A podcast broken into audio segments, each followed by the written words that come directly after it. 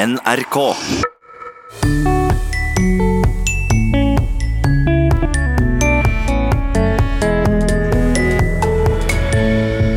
Tar smilefjes og hjerter over for punktum og komma hos ungdommen? Ungdomsskoleelever har i alle fall dårligere ferdigheter i tegnsetting enn før. Jeg savner jo punktum og komma. Stor bokstav. Spørsmålstegn, utropstegn. Helt vanlig tegnsetting, egentlig. Forfatter Tor Gottaas har skrevet bøker om alt fra gamle skihelter til utedoer. Hva er hans små språknep når han skriver? Jeg skriver lokale bøker, så pleier jeg å ha noen lokale ord. Jeg er fra Hedmark, litt sånn for å få litt sånn lokal koloritt. Jurpe, for eksempel, som de sier på Hedmarken. Seig flytende masse. Og apropos dialekt. Rogalands aller beste dialektord er kåra blant 700 innsendte ord. Hvilket det ble, hører du i slutten av Språkteigen. Vi skal starte i dag med å hilse på NRKs nye språksjef. Hun heter Caroline Riise Christiansen og kommer fra jobben som ansvarlig redaktør for Nynorsk pressekontor. Og hun starta jobben i februar. Det blir mye å passe på for språksjefen, med flere radiokanaler, TV-kanaler og både lokale og nasjonale nettsider. Og et publikum som er flinke til å si fra dersom dem ikke liker det de leser eller hører.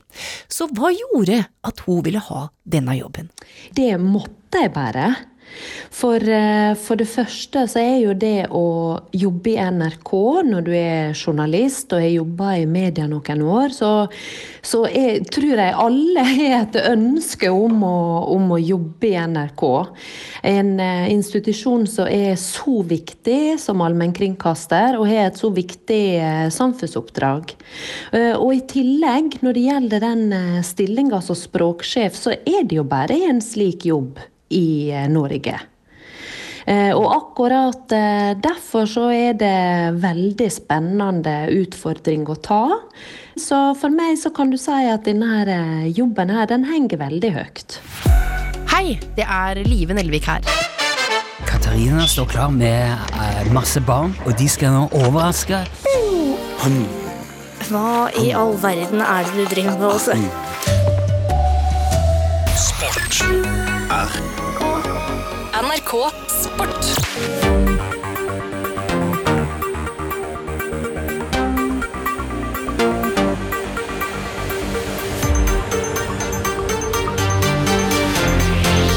Som språksjef får Caroline Riise Christiansen ansvaret for å røkte språket i hele NRK.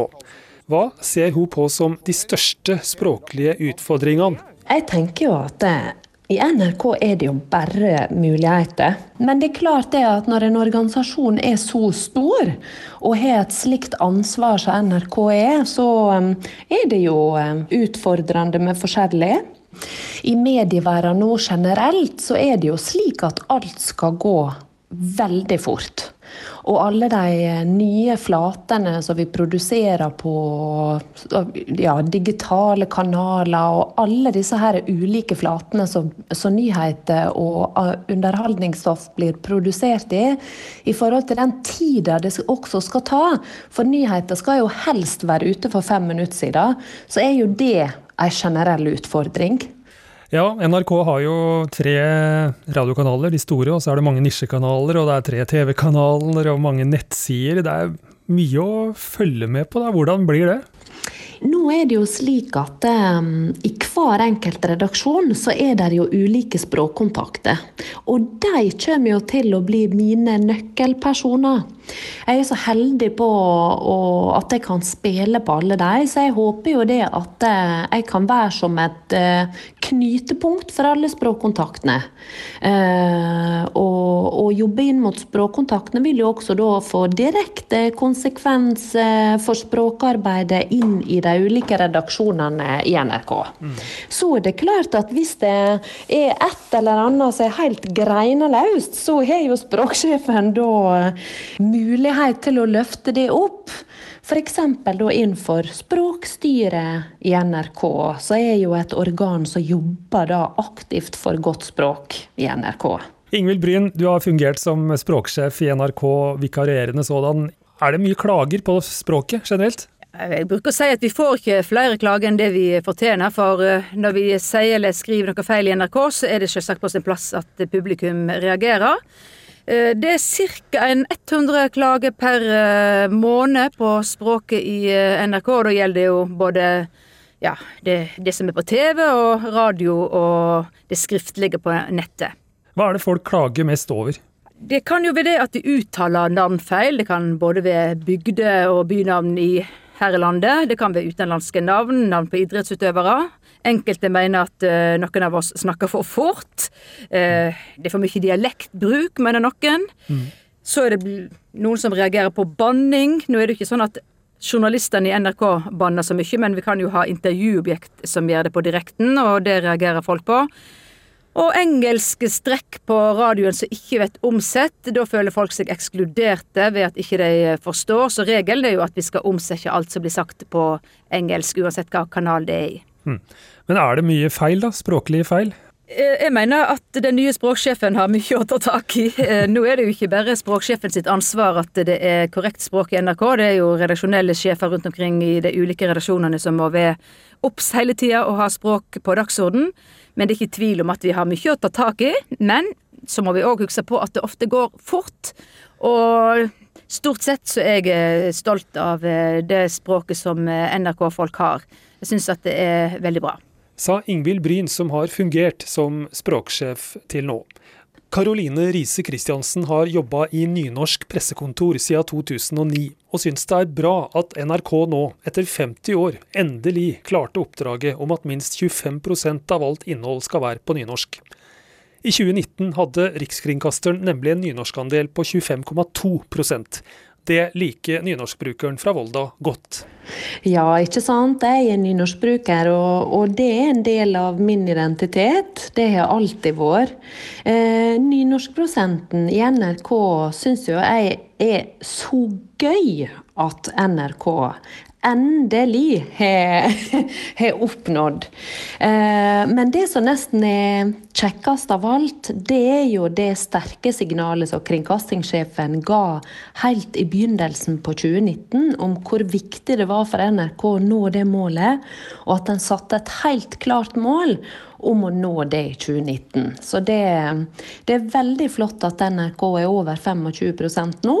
Likevel mener den nye språksjefen det godt kunne vært enda større nynorskandel, spesielt på nrk.no. Jau, jeg tenker at det er helt naturlig. Nynorsken den eh, er jo ikke så synlig rundt oss. Og vi nynorskbrukere er jo ikke akkurat vekkskjemte med å få for mye nynorsk. Så det tenker jeg er et helt naturlig ønske. Hos Nynorsk pressekontor har de fått en nynorsk-robot som automatisk oversetter bl.a. NTB-stoff fra bokmål til nynorsk. Vil den nye språksjefen i NRK jobbe for å få en nynorsk-robot til NRK? Ja, jeg vil jo jobbe for eh, at NRK skal speile hele landet. Nynorskroboten det er jo um, et eh, smartere arbeidsverktøy for omsetting fra bokmål til nynorsk. Og så har vi også sett at den er så bra, og den kan også ha nytte for andre enn Nynorsk pressekontor.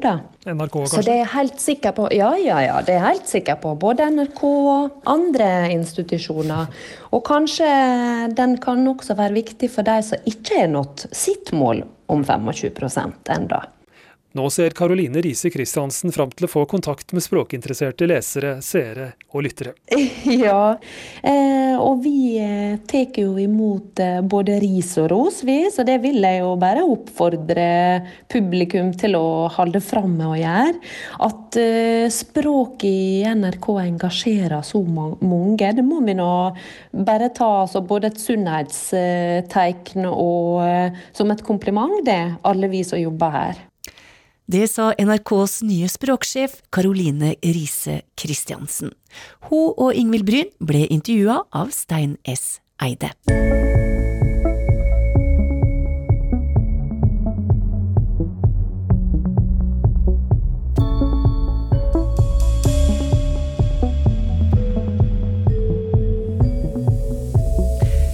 Smilefjes og hjerter er mer vanlig enn punktum og andre tegn når ungdom kommuniserer med hverandre.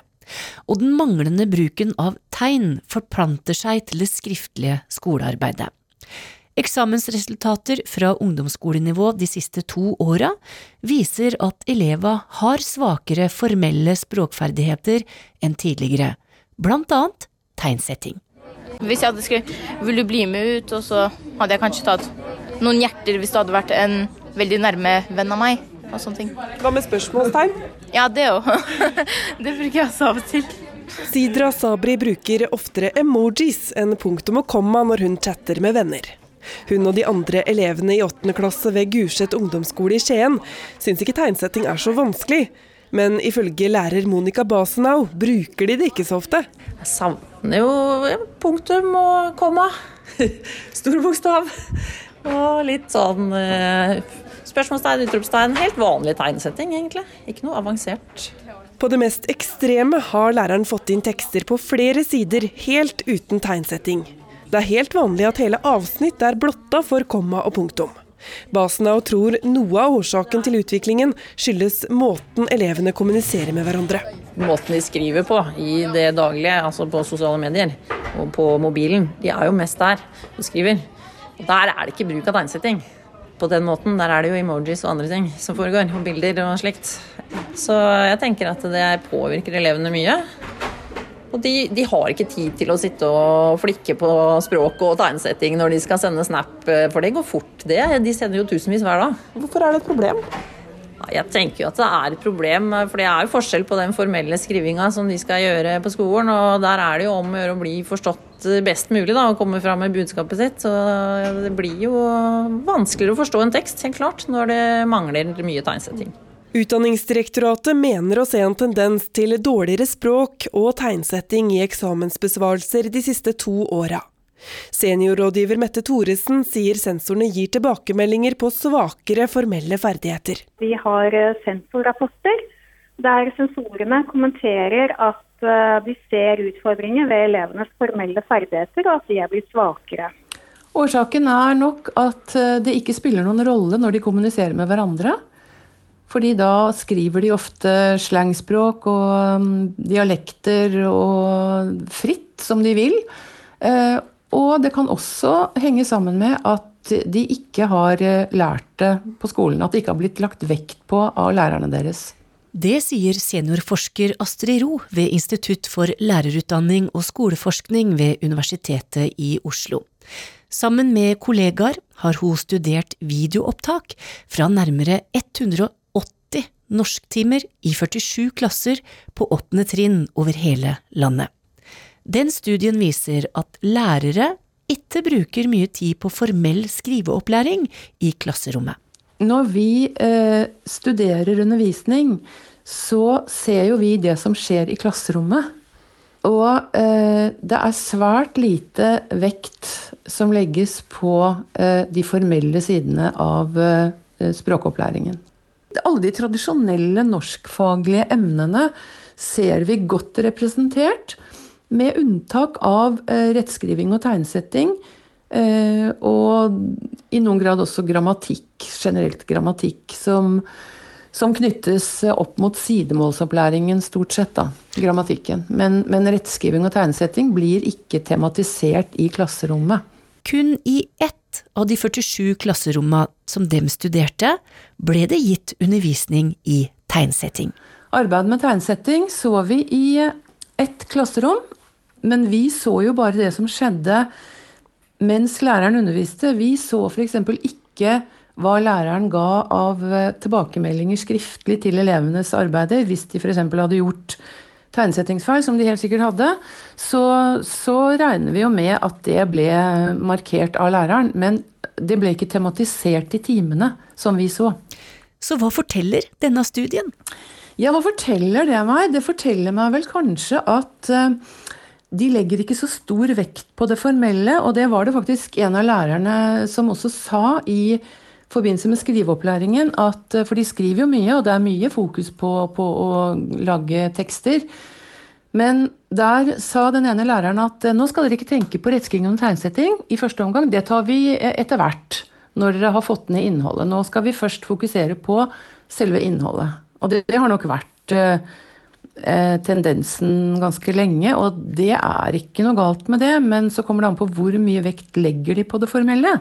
Det vet vi ikke så veldig mye om, bortsett fra at det ikke ble tematisert i, i, i full klasse i, ja, bortsett fra i det ene klasserommet da, hvor vi så.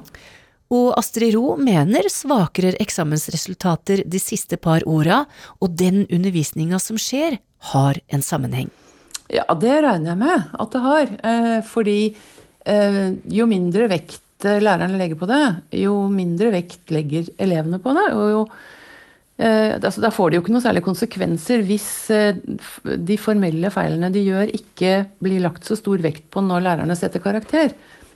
Så, så, det vil jeg tro. Og det er nok noe av det som gjenspeiles i, i vår studie, som, som, da viser så å si ingen eh, vekt på, på verken rettskriving eller tegnsetting i, i klasserommet. Det sa seniorforsker Astrid Ro ved Universitetet i Oslo. Og reporter her var Solfrid Leirgul Øverbø.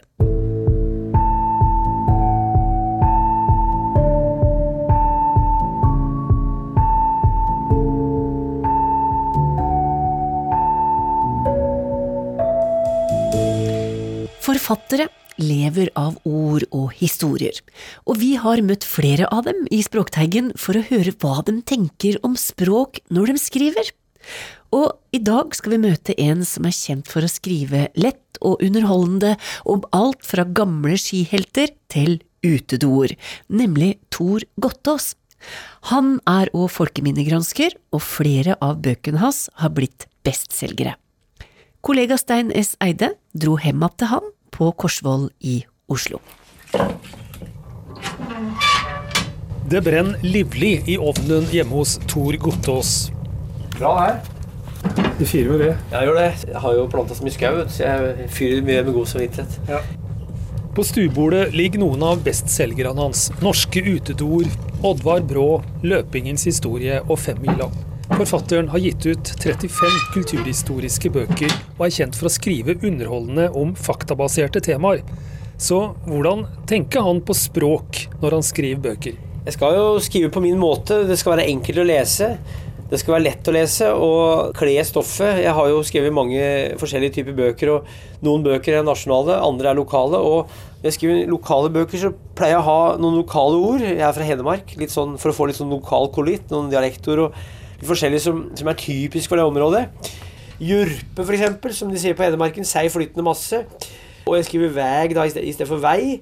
Og jeg bruker noe sånn derre eh, Ordet artig, kanskje, det bruker jeg mer da enn hvis jeg skriver eh, nasjonalbøker. Så, så det er noen sånne ord som leseren, da, som stort sett er lokalbefolkningen, har et eierskap til, som, som du kanskje sjelden ser i en tekst. Og når det dukker opp, så, så, det, så gir det sånn eh, gjenklang i huet på leseren, da, uten at den kanskje tenker at det gjør det. Men suldre, f.eks., er et ord som jeg syns er morsomt. da det betyr jo da å, å, rote bort tida, eller kanskje røre litt. eller gjøre Suldre. Det, du ser det aldri på tekst, men jeg har brukt det da i, i bøker om Brumunddal, og det syns jeg er veldig artig å, å, skrive.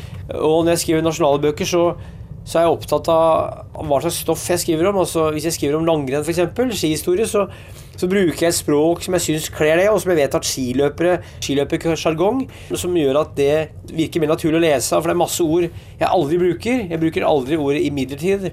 Jeg bruker aldri ordet 'relativt'. Jeg er veldig, veldig forsiktig med ordet 'veldig'. Eh, og jeg prøver å unngå å bruke for mye adjektiver og, og, hauses for mye opp. Det ideale er at du sitter ved en peis, hvis det er en skibukk, da. Så kommer du inn der, og så hører du en gammel skiløper fortelle.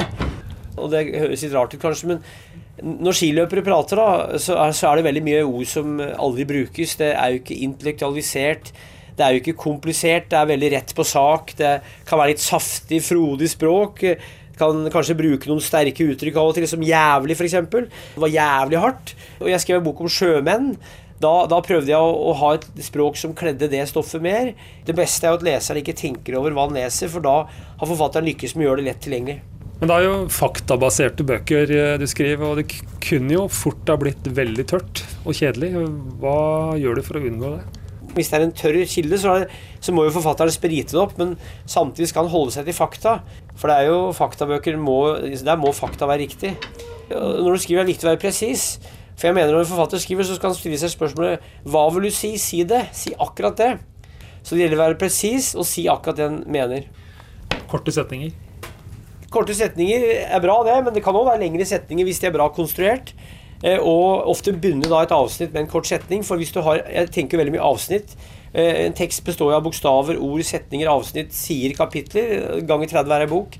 Så hvis du har, tenker at du har et, et avsnitt, da, hvis du vil si noe i et avsnitt, kan du kanskje begynne da avsnittet med en kort setning for å gi et anslag, så, så, så skjønner leseren lettere hvor, hvor det skal hen. Og da er det lettere å lese kanskje en setning som er lengre med flere komma under, hvis den første setningen i avsnittet er viktig. For avsnitt er veldig viktig byggesteder i en tekst, særlig i sakprosa.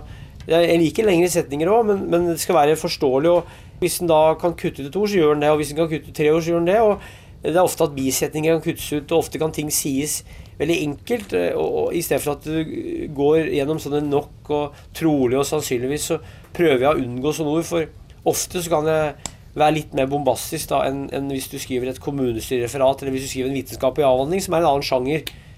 Du har jo mange informanter i bøkene dine. Ja. Bruker du mye direkte tale? Jeg bruker noe direkte tale for å, for å sprite opp teksten, for å, for å, gjøre det litt mer levende og for å få inn røsten til de som jeg skriver om. Noe kan være på dialekt, noe kan være på riksmål. Og noe er da sitater fra ting som eh, de har skrevet på e-post, som er en slags muntlig kilde, bare at den er henta inn skriftlig. Eh, finner du på ord da? Eller? Jeg gjør det, jeg gjør det. jeg gjør det. Sånn som innsei, er det noe du har funnet på? Eh, innsei, Den første som jeg, jeg hørte brukte det, var Håkon Brusveen. Håkon Brusund kommenterte da NM. Da sa Håkon Brusund at Erling Jevne han er innsei, sa han. Jeg har aldri sett det på trykk før jeg skrev det. Så jeg er ikke, jeg er ikke den som fant opp ordet, men jeg, jeg, jeg bruker, bruker, det skriftlig og, og, bruker det på foredrag, for jeg syns det er et veldig bra uttrykk å være innsei. Hva betyr det? Da har du sei, altså ekstra sei. Erling Jevne han var innsei, Therese Johaug var innsei. Altså, Olav Thon han er innsei. Det har noe med å viljen å gjøre òg, men en blanding av vilje, da, seighet, og, og, at du har lange muskelfibre og, og, holder ut lenge da, og har en vilje som, som er uvanlig sterk. Ibsen og Hamsun, eller Hamsun og Ibsen, er de som har konstruert flest nyord på norsk. Så nyord oppstår hele tida. Og eh, Ibsen han har lagd ordet friluftsliv. Det sto da i um, et dikt fra 1859 som het 'På viddene', eller 'På viddene'. Og det er jo da fri luftsliv, og det er et ord som ikke fins på engelsk, men det er jo et uh, veldig fint ord satt sammen av tre ord, friluftsliv. Så, så, så språket det forandrer seg og uttrykker seg og forbedrer seg. og noen vil si at det innvirker seg gjennom nyord som oppstår. og Hamsun og Ibsen, to nokså kjente forfattere, har jo da lagd veldig mange nye ord. Og det har Shakespeare gjort òg på engelsk. Så, så, store forfattere lager ofte mange nye ord. Men det er klart hvis du skriver skjønnlitteratur, så er det mer rom for det. Sakprosa så må du kanskje holde deg litt mer til regelverket og, og mer sånn, ha mer sånn eh, språklig tvangstrøye enn hvis du skriver helt fritt. Det skal være stramt, men samtidig levende. Lett og samtidig presist og klart, sånn at leseren kan loses gjennom teksten og nesten ikke merke at den leser, er idealet.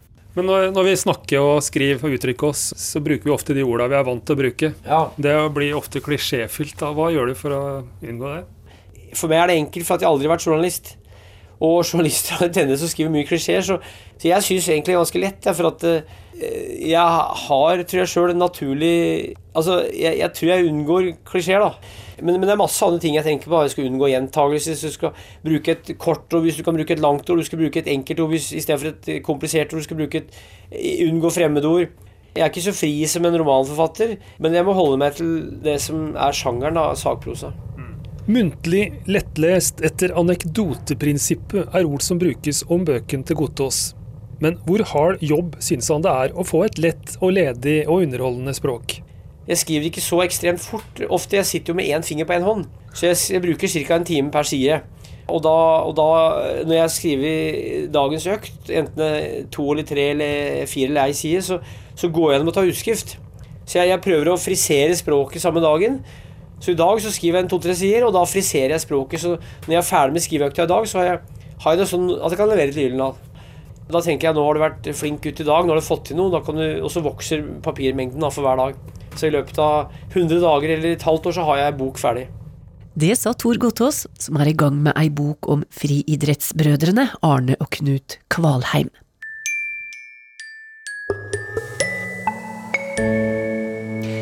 Dialekt engasjerer og forener.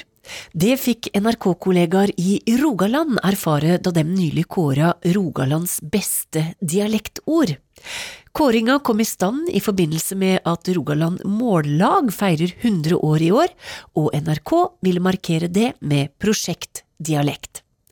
Dialektorda dem strømma inn, og i finalen så fant vi ord som biringe, pillefygert, badla, drolt, og ikke minst de to orda det skulle stå mellom til slutt, løye og vannari. 5000 stemmer kom inn under avstemminga, og kåringa skjedde på direkten 12. februar, med programledere Øystein Ellingsen og Johan Mile Laugaland, direktør i Språkrådet Åse Vetås og Terje Torkelsen fra Mållaget i studio. Vinneren av eh, i denne uhøytidelige konkurransen, kåringen av vårt aller flotteste dialektord, med 1542 stemmer, der finner vi Vannari! Ja, hva sier Terje Torkelsen? Vannari, er det greit? Ja, det er jo et godt uh, ord. Det er ikke det jeg bruker mest, men jeg skal begynne å bruke det mer. Jeg, var jo, jeg holdt jo med løye, jeg da. Jeg må innrømme det, men uh, vannari er bra. Åse Vetås, hva tenker du om Vannari? Jeg syns det er et uh, godt valg. Jeg eh, bor jo på Østlandet, og jeg bruker Vannari der så ofte og så mye jeg bare kan, så jeg uh, håper at jeg kan være en slags uh, Vannari-representant på Østlandet. Og nå, har jo, nå har jeg jo Rogaland med meg i ryggen på det, så, så det tror jeg blir bra. Hvorfor tror du Vannari vant? Det er jo et utrolig anvendelig uttrykk. Og så er det noe som fins både i sørfylket og i nordfylket, og som vi slutter opp om alle sammen, og så ikke er så synlig andre plasser i landet. Så alt det gjør jo at det er et typisk rogalandsk dialektord. Vannari, et ord som altså både engasjerer og forener folk i Rogaland, men Hva betyr det egentlig? Er det, et ord som kan bare byttes med noe annet? Eh, nei, det, det, altså, Du må bruke mange ord. Du må bruke mange ord, for altså, det har jo utgangspunkt i ordet vand, og det er ikke vandere i. Og Hæ? Det, ja, ikke sant vel. Eh, men, men, i den sammendratte formen vanneri, så tror jeg stort sett bare det fins her i, i, Rogaland. Og der har det jo fått denne helt sånn særegne betydningen. Det er ikke så farlig, det er ikke så nøye. Eh, det går bra likevel-aktig. Altså, så, ja, så det egentlig ikke fins noe godt annet fyndig uh, ord for, uh, enkeltord for, i, i i det norske språket. I hvert fall mm. ikke så jeg har oversikt over. Nei, også kan, Det kan jo være godt for oss rett og slett at vi sier litt oftere 'vanneri'. Ja, sant? At vi ikke er så tilknepte og peser så voldsomt ja, med å liksom få ting til. Mm. Alt det der kroppspress og sånn, for eksempel. Vanneri! Ta på deg ei litt sånn svær T-skjorte, og ikke tenk på det. Vanneri. Ja, det er ikke så nøye. Mer vanneri, rett og slett, og mindre stress. Mm. Ja, og folk på gata, dem likte ordet som gikk av med seieren. Det syns jeg var helt fantastisk, for det har jeg faktisk stemt på sjøl. Jeg syns det er kult. Det er jo et ord du pleier å bruke ofte. Mange sier det. Vanneri. Når det er noe du har lyst til å gjøre, så tenker du at OK, shit, la gå, og da sier du vanneri. Ja. Jeg burde brukt det mer, og brukte det mer før. Så det er mer en påminning at jeg må bruke det mer. Ja, se det. Prosjekt Dialekt gjør kanskje folk i Rogaland enda litt stoltere av dialekta si.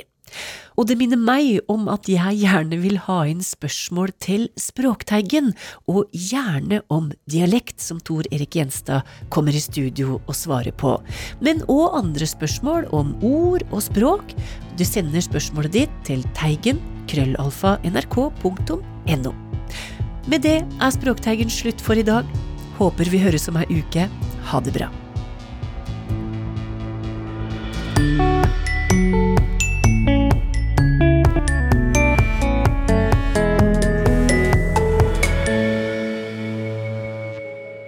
Hei! Anne Dorte i P3 Dokumentar her.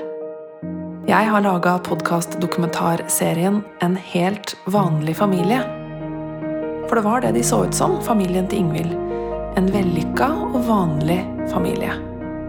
Men Ingvild grua seg alltid til helgene, for da var de som familie sammen.